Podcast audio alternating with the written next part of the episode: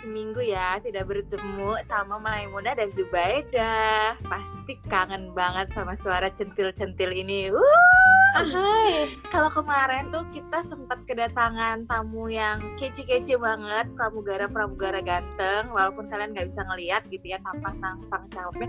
Nah kali ini kita akan kedatangan dua orang dokter cantik, gengs. Wuh. Yoi. Gila, berbobot banget gak sih podcastnya Maimunah sama Jubaida?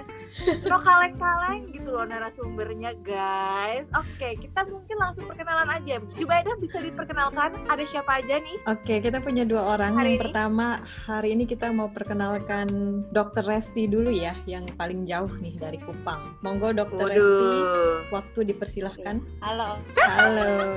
Apa kabar Dokter Resti? baik. Lagi sibuk apa sekarang? Lagi sibuk kerja. Wow, kerja. Untung ya masih punya kerjaan dok ya. Beruntung ya masih punya pekerjaannya.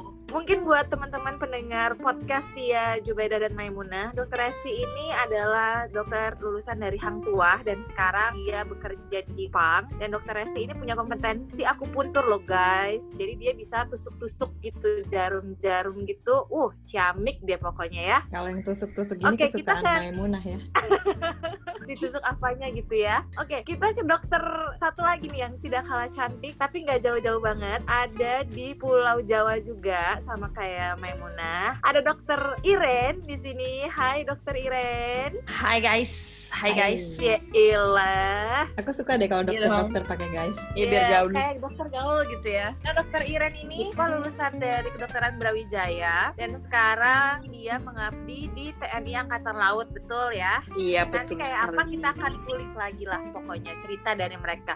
Mungkin Jubaidah nih yang banyak kali apa ya rasa penasaran gitu sama mereka Iya. berdua. Monggo silahkan langsung ditanyain, dikulik habis. Aku mau nanya pertama kali ke Dokter Resti dulu deh. Dokter Resti dulu kenapa masuk Hang Tuah, Universitas Hang Tuah? Waktu itu apa sih em, alasannya atau waktu itu pertimbangannya apa? Gitu? Nah, alasannya karena karena kan Hang Tua itu universitas swasta. Oke. Sedangkan aku persiapan buat masuk FK itu sudah setahun. Terus kan universitas swasta tuh yang buka duluan pendaftaran yang buat gelombang satu yang awal-awal tahun itu kan universitas swasta. Oh, Jadi iya, setelah persiapan setahun, ada tesnya yang gelombang pertama langsung ikut. Terus sudah lulus, jadi aku nggak coba lain lagi karena sudah lulus yang Ah. swasta gelombang satu. Ya ini Jubaidah jadi inget nih, Resti dulunya itu jurusannya IPS loh, Maimunah, bukan IPA loh. Coba ini keren banget. Betul sekali. Luar biasa. Jadi ini salah satu dokter yang lintas jurusan ya. Betul. Eh, Dokter Resti bisa diceritain gak sih kenapa waktu dulu masuk IPS tapi terus abis itu pengen jadi dokter atau emang itu strateginya dulu belajar IPS dulu biar bisa jadi dokter atau gimana? Enggak, jadi sebenarnya kan aku dari Kupang. Kenapa aku sekolah sam- sampai SMA sampai jauh-jauh? Karena aku tuh memang dari dulu tuh rencana masuk ke dokter. Oh, jadi aku emang sekolah SMA tuh kan banget aku jadi mau dokter. sekolah kedokteran di luar, di Jawa. Makanya aku persiapannya sekolah SMA di Jawa. Oke. Karena kan uh, fakultas kedokteran kan cuma ada di Jawa dulu. Jadinya aku makanya dari SMA aku udah di Jawa. Tapi waktu itu uh, waktu pembagian jurusan mepet, jadi nggak bisa masuk IPA, masuk IPS. Jadinya ya udah. curhat banget ini ya mepet. Apanya yang mepet tuh umur atau Nilai apa tuh? Nilai apa tuh? Mepet, pokoknya mepet. Kesampet. Tapi apa-apa Akhirnya penting aku- sekarang udah bisa jadi dokter dan sekarang udah ahli Heeh. tusuk menusuk ya dokter ya. gitu. Jadi Dokter Resti tuh dulu abis lulus SMA mengorbankan satu tahun untuk belajar Iya, demi jadi masuk aku- ke dokteran ya. Eh kenapa aku nggak pindah sekolah? Karena aku nggak apa-apa, aku pengen lanjut aja di sekolah itu. Habis itu Karena ternyata yang pengen- habis SMA kan ada bimbel, ada persiapan buat itu dan bisa lintas jurusan. Jadi aku ya sudah, kenapa tidak mencoba kalau Iya, ada betul. kesempatan? Dokter Resti, aku pikir dokter Resti nggak pindah sekolah karena nggak mau pisah sama Maimunah loh. Ah, hei. Ada-ada aja ini. Tapi gimana dokter Resti? Apakah ada perbedaan gitu? Maksudnya akan kebanyakan yang kita tahu kalau misalnya mau jadi dokter ya harus dari jurusan IPA. Terus orangnya biasanya anaknya pinter-pinter. Makanya Hmm. Maimunah nggak jadi dokter karena itu. Maimunah, aduh nggak sanggup deh karena dulu sering banget eh, dapat nilai merah pelajaran IPA. Padahal Maimunah IPA ya. Iya. Maimunah IPA tapi Maimunah juga- semua. Kamu Maimunah juga lintas IPA. jurusan kan? Kamu kan lintas jurusan juga. Oh iya bener juga kamu. Iya, ini. Oh iya, lintas bener. jurusan, tapi sekarang saya ngebacot aja tukang ngomong sekarang. Kalian ini pengkhianat jurusan sepertinya. itu dia kita nggak tahu jalan kita ya kan menurut aku itu sebenarnya belajar dari pertama jadinya nggak ada kesulitan sih Belajar dari Soalnya- pertama maksudnya? kan dari kuliah kan diajarin dari pertama kan Waktu SMA kan dokter Resti belajarnya kan banyak kan IPS, ekonomi, akuntansi Hmm. kayak gitu kan. Terus tiba-tiba dalam waktu setahun harus menguasai biologi, kimia, fisika gitu untuk Hmm. masuk ke dokteran. Ada kesulitan nggak waktu itu? ya pas setahun itu kan buat latihan-latihan soal yang buat masuk, Masuk jurusan itu ya kan Mm-mm. Mm-mm. Ada kesulitan atau malah keenakan? karena kesulitan karena persiapan setahun itu tuh makanya tidak ada kesulitan Pokoknya udah ada bimbel itu sih jadi ya bisa sih Berarti bimbelnya bagus nih Maimunah. terus lagian itu Oke. udah kayak tahunku tuh tahun terakhir jadi nggak ada lagi habis itu Waduh, berarti Udah Maimunah nggak bisa lintas jurusan lagi ya? nggak bisa. nggak boleh nggak bisa sekarang tuh nggak bisa loh kayaknya punya aku tuh terakhir tapi aku nggak tahu lagi banget dokter Resti ini Hmm. memang. Kalau gitu Maimunah pengen ke dokter Iren. Gimana dokter gimana? Iren ini lulusan dari Brawijaya. Kalau boleh Iya. tahu, sekarang mengabdi di TNI AL, betul ya? Iya. Semoga nggak salah sih informan Maimunah ya. Nah kalau boleh diceritain nih, kenapa kok akhirnya pengen jadi tentara nih dokter tentara? Kenapa? Cewek pula di, di laut lagi nih. Aduh, ngebayanginnya kayak nela- ngebayang Maimunah ngebayanginnya kayak nelayan nih, nangkep ikan gitu Eh, apa? Enggak gitu juga sih, enggak enggak enggak. Nggak gitu juga sih. coba, coba kasih Maimunah pencerahan nih dokter. Gimana nih? Kayak Aquaman lah, bukan nelayan. Aku woman. Kalau dulu nggak ada nggak ada kepingin nggak ada kepikiran masuk tentara tapi ada temen yang ngajak temen kuliah sahabat juga lah ngajak ada posternya di di kampus. Kampus. Ading. terus diajain ini loh ikutin yuk itu apa ini? Ini beasiswa TNI gitu kan. Lihat-lihat syaratnya oh bisa nih kayaknya akreditasi universitas A terus IPK sekian sekian oh kok bisa? Terus ini apa? Ada yang nggak ngerti kayak mental ideologi ini apa sama akta ini apa terus ya udahlah nyoba tapi pas tuh belum tahu kayak mau jadi dokter di lingkungan tentara atau ikut pendidikannya atau gimana tuh nggak tahu nggak ada kepikiran sama sekali akhirnya nyoba nyoba nyoba gratis eh nyoba nyoba gratis nyoba nyoba beruntung Berhadiah. apa sih Nyoba Ah, nyoba iya. berhadiah. Berhadiah. coba coba berhadiah nah ternyata keterima Habis keterima, eh dapet calon. jangan dibahas dulu dong hadiahnya double deh. Jubaida tuh suka mendahului deh. Itu belum Iya, saatnya emang. dikeluarin. jadi nggak enak kan Terus terus eh, kebanyakan dokter cewek gitu pengennya kuliah jadi dokter yang mungkin terestetik misalnya dokter mata, dokter kecantikan, kulit. gitu. Ini kenapa malah akhirnya jatuh cintanya ke TNI gitu. Tapi sekarang sesuai sesuai sama passion nggak gitu atau wah gue beruntung banget nih suka banget gue berada di lingkungan yang sekarang. oh iya tentunya karena kan Wih. ketemu calon ya diulangi lagi kan Diulangi lagi Eh, supaya bener dibahas ini ya. kayaknya.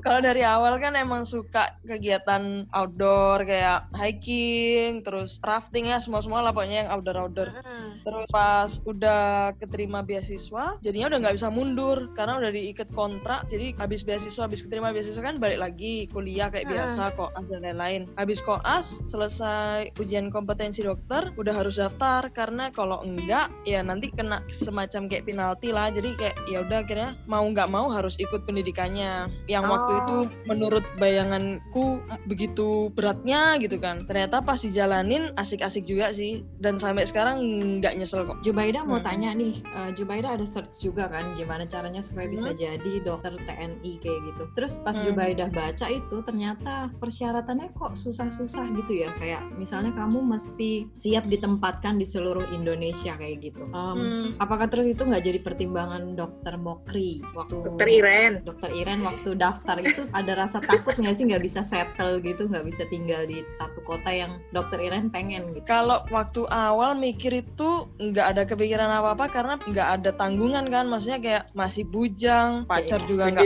punya gitu kan. Jadi kayak ya udah siap-siap aja gitu. Sampai sekarang udah pernah ditempatin di kota mana aja? Penempatan pertama di Bitung di Sulawesi Utara. Kalau penempatan Jauh. kedua di Surabaya. Eh, di Bitung itu sama sekali nggak ada keluarga, sama sekali nggak ada temen, nggak ada kenalan. Jadi datang ke sana kayak bener-bener orang asing yang bahkan nggak tahu kotanya kayak apa. Begitu pas udah nyampe, lihat ada Indomaret, ada Alfamart, udah lega. lumayan lah udah dari Sepele itu ya dok ya penempatannya yang penting ada Indomaret sama Alfamart Yes, nih kalau dokter. iya, betul.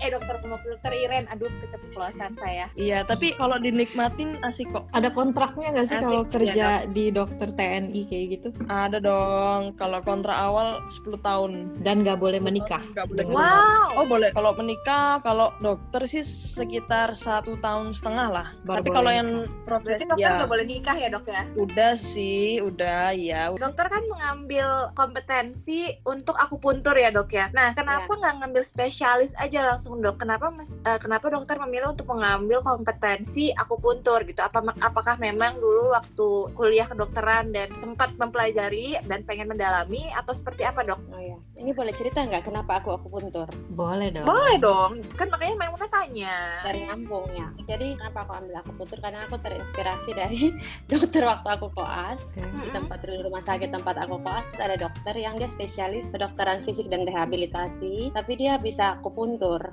Jadi dia tuh spesialis KFR. Jadi ka- kalau secara kedokteran kan KF, KFR sama akupuntur tuh kayak nyambung gitu kan, kayak setali. KFR itu apa ada tadi? rehabilitasi medik. Jadi kayak yang latihan-latihan fisioterapi. Mhm.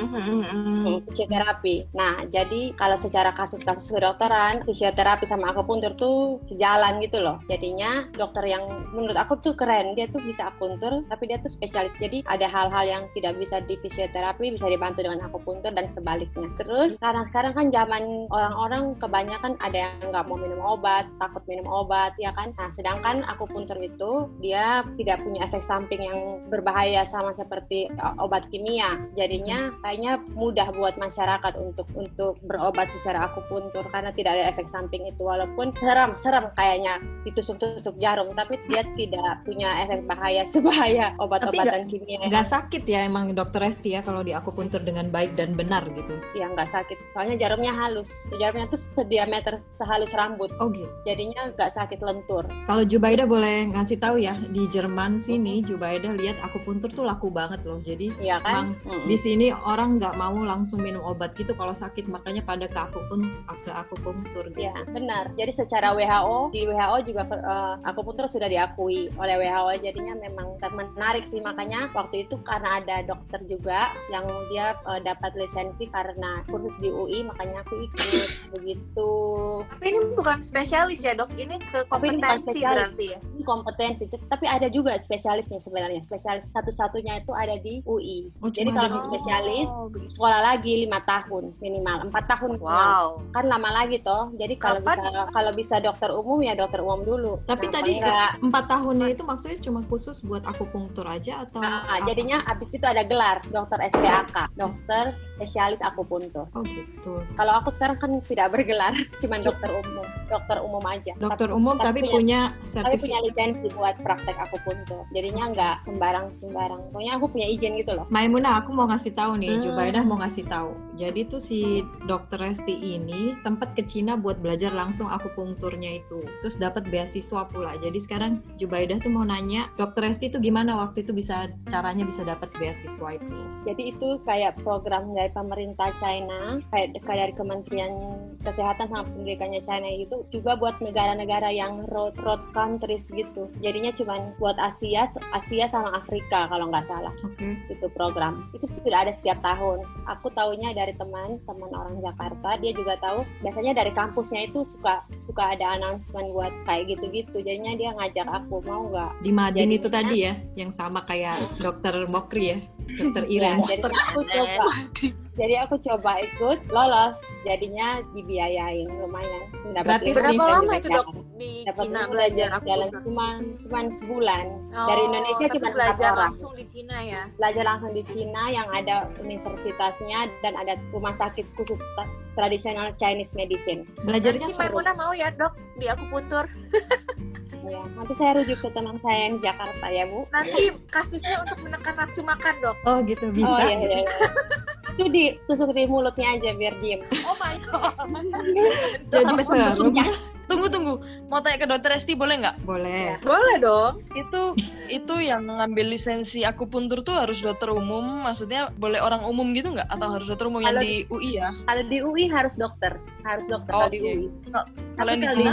Di Cina enggak. Di- Jadi di Cina tuh ada Oh. empat orang, dua orang tuh dokter, dua orang tuh akupunturis. Tapi ada juga kalau nggak salah di Surabaya tuh ada akademi akupuntur. Belajar akupuntur ini itu ada tiga Hah? tahun harus belajar akupuntur. Terus ada juga Poltekkes di Solo juga ada Hah? D3 akupuntur. Oh oke. Tapi kalau di UI c- cuman sebulan. Kalau di UI sebulan sebulan aja karena dia cuman kayak dibatasin buat dokter umum dan Iya kasus-kasusnya itu sih.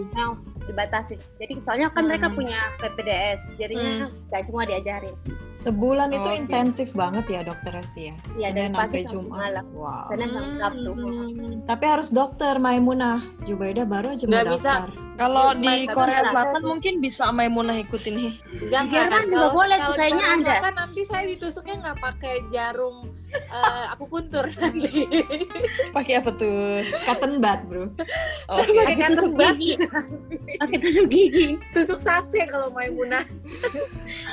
Maimunah mau tanya, Maimunah mau tanya ke dokter eh, Iren. Ya. Dok, sekarang kan udah berapa tahun nih jadi di di. TNI? lima tahun ya kalau nggak salah ya, Ah, iya, ah, sekitar lima tahun. sekitar lima tahun. Terasa ya. Eh, pengen apa ya, lanjut ke kayak misalnya teman-teman lain ke spesialis nggak atau sekarang udah dokter umum dulu aja nggak apa-apa masih menikmati gitu. Pingin sih tetap pingin lanjut supaya eh, eh, apa ya? Kalau spesialis sih lebih- jadi lebih spesialistik gitu loh. Jadi lebih Oh, kecil yang di yang di lingkup kerjanya asik. Jadi lebih Iya, nyantai. gitu ya. Iya nggak ya? Gitulah. Kalau pingin spesialis apa kayaknya eh, yang nggak gede, yang nggak nggak sibuk. Kayaknya pingin eh, Ada patologi klinik dibandingin sama yang kayak penyakit dalam, anak, objin itu kan kayaknya sibuk banget jantung gitu kan. Heeh. Aku sih pinginnya yang agak-agak nyantai gitu. Apa tuh Wah. contohnya? Kasih Apa tips tuh dong. Eh, kalau aku sih pinginnya patologi klinik Apa itu Apa tuh? patologi? itu adalah dokter spesialis yang bekerja di laboratorium. Laboratorium. Ah, Yes. Ah, jadi ya. ngetes-ngetes darah gitu. Sampelnya Iya, udah dateng, Dokter Yes. tinggal ngetes. Yes. Sekarang lagi covid gini lagi laku lah. Laku banget. Eh, Iya lagi laku. Alumni kalian ini keren ya. Iya, tentu saja. Bagaimana mungkin tidak? Oke, Jubaida kepo apa lagi tadi nih? ya, Dari tadi. tadi Maimunah mulu nih kepo-kepo. Jubaida sekarang mau nanya dokter Iren. Waktu Iya, dokter Ji. Iren jadi dokter di TNI, satu tahun Iya, itu Ji. belajar apa sih di awal-awal itu? Oh oke, menarik banget asik. Asik. Jadi waktu Asik. awal itu kan pendidikan dasar itu berat sih. Maksudnya kayak tiga bulan awal itu kita nggak boleh pegang HP, nggak boleh jalan-jalan keluar, nggak boleh lihat TV, Like nggak boleh ya nggak boleh. Pokoknya semua semua nggak boleh karena kita padat kegiatan dan itu yang kayak ngerubah doktrin dari sipil jadi tentaranya. Itu kan totalnya tujuh bulan, tiga bulan awal kayak gitu. Setelah tiga bulan itu ada kayak namanya uh, wisuda, wisuda jurid. Nah setelah tiga bulan itu baru empat bulan berikutnya kayak diizinkan untuk weekend jalan-jalan, tapi nggak tiap minggu sih, mungkin tiap dua minggu kayak gitu-gitu. Nah di situ tuh diajarin pertama yang mulai yang paling basic ya pastinya baris berbaris, ya gitu-gitulah basic-basic sampai yang keren itu kayak nembak pistol kita diajarin, nembak Nice. pakai laras panjang kita diajarin, terus kita diajarin ngelempar granat yang beneran sampai meledak, terus kita diajarin kayak dari kita naik truk, truknya jalan, terus kita diajarin cara lompat kendaraan namanya. Terus Empat kendaraan, astaga. Wow. Yes, terus nyebrang sungai pakai tali kayak gitu-gitu renangnya itu yang sungainya berarus beneran tuh terus kayak uh, ada apa ya namanya itu Berasa kayak LDK OSIS Fisik sih? banget ya dok berarti iya ya. iya benar dia LDK OSIS tapi komplit gimana Fisik Maimunah? banget ya berarti ya. Ya benar fisik banget tuh berat itu awal masuk kayaknya sekitar 62 mungkin bisa turun hampir 8 sampai 10 kilo sih waktu itu Waduh, Jubaida langsung daftar besok. tapi Kamu tapi tapi hitamnya hitam banget hitam banget jerawatan rambutnya cepak ceking kurus terus waktu itu nggak ngerasa kalau hitam banget karena semuanya hitam jadi pas ngaca jadi dulu tuh dapet- udah dapat cerita kan nanti kamu hitam banget gini-gini. Pas kita ngaca bareng-bareng hah enggak tuh? Nggak hitam kok yang iya nggak hitam kok kita gitu.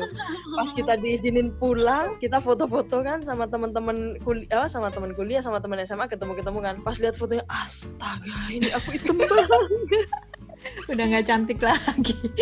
Tapi habis itu recovery. nggak bisa dilihat Sekarang udah putih. Sekarang balik udah balik jadi putih. oh sekarang udah putih sampai gak kelihatan Waktu mau jadi tentara, jadi tentara itu keluarga mendukung oh atau tidak gimana deh? Serius. tidak jadi waktu Oh, awal iya. daftar itu ada tanda tangan kan buat apa orang tua bapak ibu Heeh. semuanya tidak mendukung jadi kayak ngapain sih ngapain sih daftar tentara udah nggak apa-apa tanda tangan dulu kan belum tentu keterima sih Eh? oh ya udahlah ya. Tanda tangan tanda tangan ternyata keterima. Nipunya pinter nih dokter. nah baru dari situ akhirnya kayak oh ya udahlah kalau keterima ya udahlah mama dukung papa dukung akhirnya gitu. Mau Ya, tanya kan deh, pas lagi pas lagi latihan training gitu, ada nggak sih perasaan kalau aduh nyesel nih daftar pengen berhenti gitu? Hmm, waktu itu sih nggak sempet kok. Kayaknya nggak ada ya. Cuman eh, nggak sampai segitunya. Cuman pernah ngerasa kayak ah ya ampun kok gini banget? Tapi ngerasanya tuh kayak nggak apa-apa lah ini lo bareng-bareng. Maksudnya bukan aku tok yang dibentain tapi ini Oke. bareng-bareng semuanya juga dibentain gitu loh. Jadi ya udahlah nggak apa-apa dijalanin aja gitu. Malah Terus seru lama-lama kali ya. iya lama-lama wah asik juga. Kalau pendidikan tuh Jadi dibawa enjoy capeknya- ya? dibawa enjoy. Saking capeknya tuh kadang bisa jadi per- kalau pas pendidikan kan ngelewatin masa puasa. Waktu sahurnya jam setengah tiga lah kita dari barak pergi ke ruang makan lari kan setengah tiga. Nah Hmm. karena yang nggak puasa dikit termasuk aku akhirnya ikutlah barisan yang sahur itu yang puasa. Setengah tiga berangkat lari sama ngantuk-ngantuk ya kan baris. Jadi kan itu satu peleton ya lari ya kan? Duduk duduk duduk.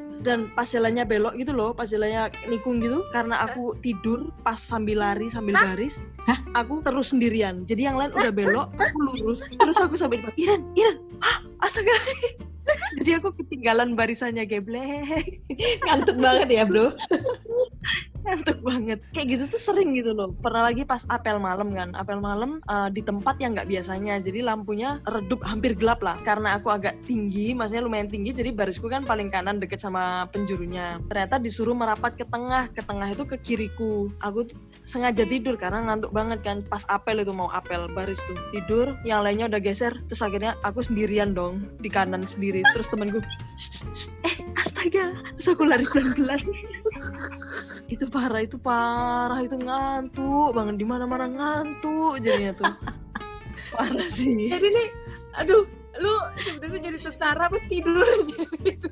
Itu maklum pas pendidikan tuh pasti ngantuk gitu kalau sekarang sih udah normal kok Itu tujuh bulan Syukurlah. pertama kayak gitu ya. Tapi mau tanya deh, sebenarnya kehidupan seorang dokter tentara itu seperti tentara pada umumnya ataukah seperti dokter pada umumnya? Atau gimana kalau nih? menurut Ini kayak sih kalau menurut Zubaida, eh kalau menurut Maimunah kan kayak dua profesi jadi satu ya sebenarnya ya tentara, benar tapi Hmm. dokter, dokter tapi Hmm. tentara gitu. Iya. Lebih condong ke mana? jadinya eh, lebih condongnya ke tentaranya sih jadi maksudnya Hmm. Kita ambil contoh misalnya dokter umum di dokter klinik gitu. Datang eh hari kerja Senin sampai Jumat jam 8 sampai jam 12 misalnya. Kamu bakal mengulang Senin Selasa Rabu Kamis Jumat bakal seperti itu ya kan? Hmm. tapi kalau di kita ini enggak. Misalnya Senin karena ini zamannya Covid ya eh, tiba-tiba ada di satu kapal ada dua orang yang reaktif. Terus kamu harus gimana nih langkah selanjutnya terus kamu harus koordinasi sama komandanmu, kamu harus koordinasi sama atasanmu di kesehatan gitu loh. Jadi kita tuh semacam jadinya kayak punya dua atasan, satunya atasan kesehatan, satunya Hmm. uh, atasan komandan di tentara gitu. loh. Tentara. Terus nanti hari